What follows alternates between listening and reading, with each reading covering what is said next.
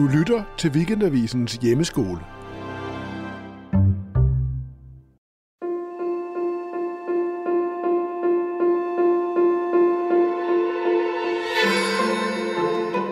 Jeg hedder Minik Rosing.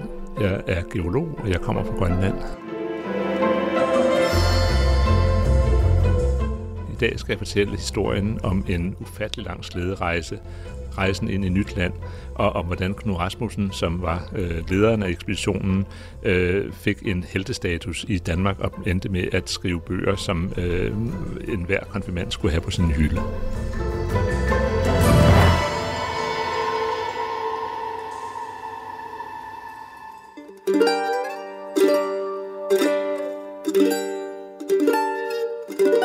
Historien om slæderejsen starter i Lulisset helt tilbage i, uh, i begyndelsen af 1900-tallet, hvor Knud Rasmussen han, uh, bliver født. Af, han er søn af en dansk far og en grønlandsk mor, og vokser op med en grønlandsk dagligdag, som i, i Lulisset blandt andet indebærer at køre hundeslæde, og det bliver hans store passion.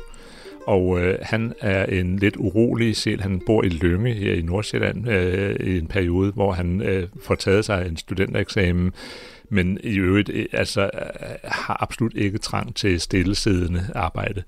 Så han bruger stort set hele sit liv på at rejse rundt i Grønland, øh, og han bruger meget af det med, med hundeslæde. Øh, og der, der er faktisk der er et meget berømt Knud Rasmussen citat, øh, som, øh, som jeg ikke kan, kan lade være at nævne her nu. Øh, det er, at han siger, et, et citat, han siger, giv mig is, giv mig hunde, så kan I beholde resten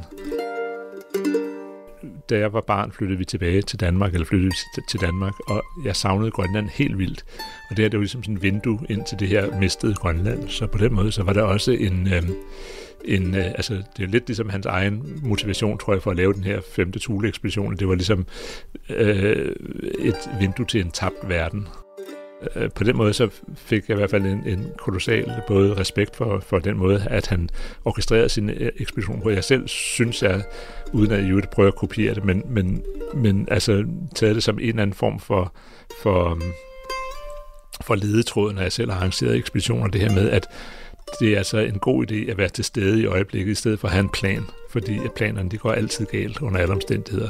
Og det tror jeg var det, var det han også brugte, det der han, han har lært med sin opvækst i Grønland, det er, at planer de er storrettede øh, som, som udgangspunkt, men øh, det er en rigtig god idé ikke at holde fast i dem, fordi de leder altid i en det totale øh, fiasko, hvis man holder fast i dem.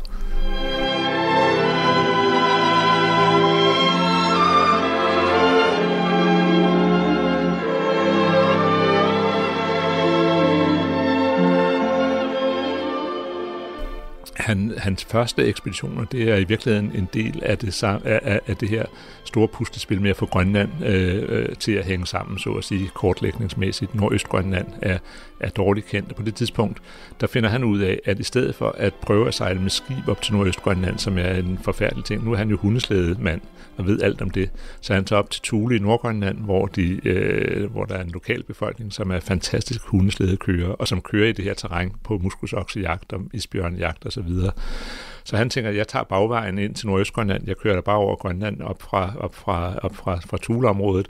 og, og øh, det gør han så. Øh, så han laver ekspeditioner, to ekspeditioner, som skal øh, være med til at, at, at finde ud af, hvordan øh, Nordøstgrønland er forbundet med resten af Grønland.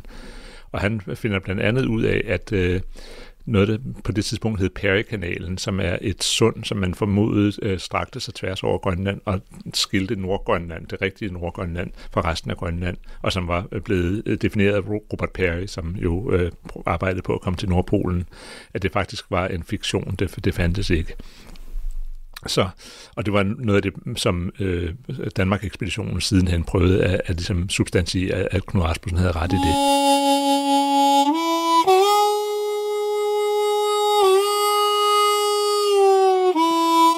Jeg tror, at for ham har øh, ekspeditionslivet, og det er, er altså selve det at gøre det, har været drivkraften, og det, det, det er helt klart, at det, det er hans liv simpelthen. Da vi kommer frem til, til 1920'erne, der øh, øh, får han en fantastisk idé, og det er, at han vil køre hele vejen over til Stillehavet og finde ud af, hvad inuitkulturen, eller eskimo-kulturen, som det hed på det tidspunkt, hvordan den egentlig hvordan var den skruet sammen. På det her tidspunkt har Grønland jo været øh, danske kolonier i et par hundrede år. Det havde stadigvæk jo øh, væsentlige elementer i inuit kultur, men øh, havde jo også en fantastisk øh, påvirkning fra Europa, har måske virkelig haft det i, i, i tusind år øh, nærmest. Så Knud Rasmussen han er interesseret i, hvor kommer inuitkulturen fra, og hvad er egentlig øh, rødderne? Det er jo hans egen rødder, det er hans mors øh, baggrund i virkeligheden, han, han er interesseret i. Han finder ud af igen, øh, så hvad de fleste jo vil synes var vanvid, det er at kaste sig op på hundeslæden og så bare give den gas øh, i, i, i, i vestlig retning, og så kommer man nok øh, over til, øh, til kendt land igen, som er jo altså på det tidspunkt derovre ved Beringstrædet i, i Alaska. Det er på et tidspunkt, hvor store dele af det indre Kanada er fuldstændig utilgængelige. Og de mennesker, der lever i det indre Kanada og Alaska, har aldrig set hvide mennesker eller hørt om dem for nogens vedkommende.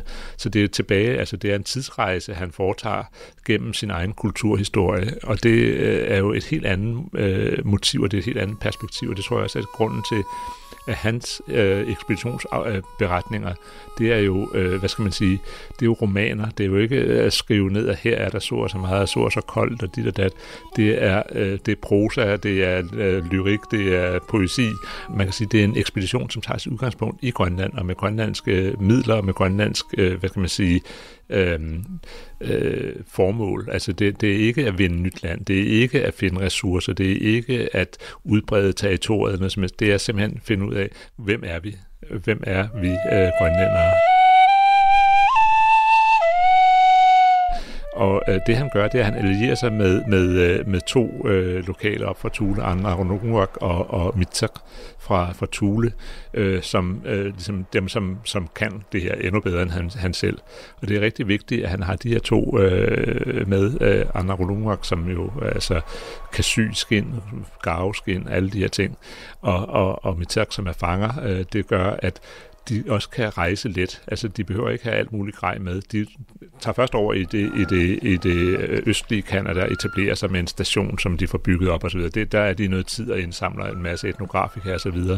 Men da de så har været der øh, det første års tid, så øh, tager øh, de tre, altså øh, øh, de to Thule-folk og Knud Rasmussen, de øh, tager sig slæden alene, og så kører de ellers videre derudad og kører så 18.000 km gennem, øh, gennem den frosne tundra.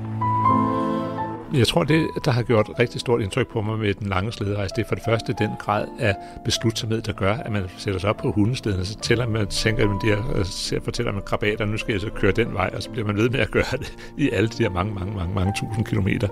Og man lykkes med det hele. Man har ikke noget helt masse forsyninger med, eller sådan noget. man forsyner sig selv undervejs, man laver selv sit tøj. Man, så det, det synes jeg, det er, det er en fantastisk øh, side af det.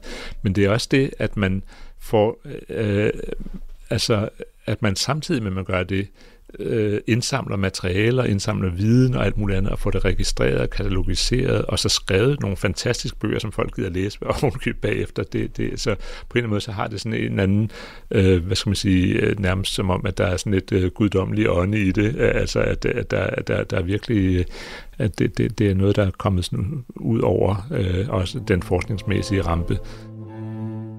De oplever fantastiske ting med på den her rejse, fordi at øh, de jo møder mennesker, som har levet en traditionel tilværelse, hvor man lever af landet, og øh, stadigvæk har bevaret sin øh, forbindelse til åndeverdenen og alle de her forskellige elementer, som man stadigvæk kan se i det grønlandske øh, kultur, men jo hvor, den, øh, hvor man ikke rigtig kan finde ud af, hvor meget af det, der er, er, er bragt ind alle mulige andre steder fra, stumper fra andre kulturer. Øh, men der ser man jo ligesom øh, de, de rene øh, komponenter, så at sige, de rene krydderier til, til den eskimoiske kultur, de, de, den, den levede stadigvæk. Og, og det er fantastisk, at det er blevet bevaret, fordi det er ganske kort tid efter i virkeligheden, at det første ekspansion ind i Kanada først med både mineselskaber og alt muligt andet, og sidenhen så olie og alt muligt, som vi alle sammen ser. Og man har jo, altså hvis man følger lidt med i, hvordan, øh, hvordan historien går i Kanada, så er den jo altså en tragedie med den måde, at, at inuitkulturen har, har, har fået en meget, meget, meget hurtig øh, kollaps i virkeligheden kulturelt, fordi at man har øh, oplevet en en, en hurtig centralisering og alle de her ting, som, som vi kender som, som så mange eksempler på.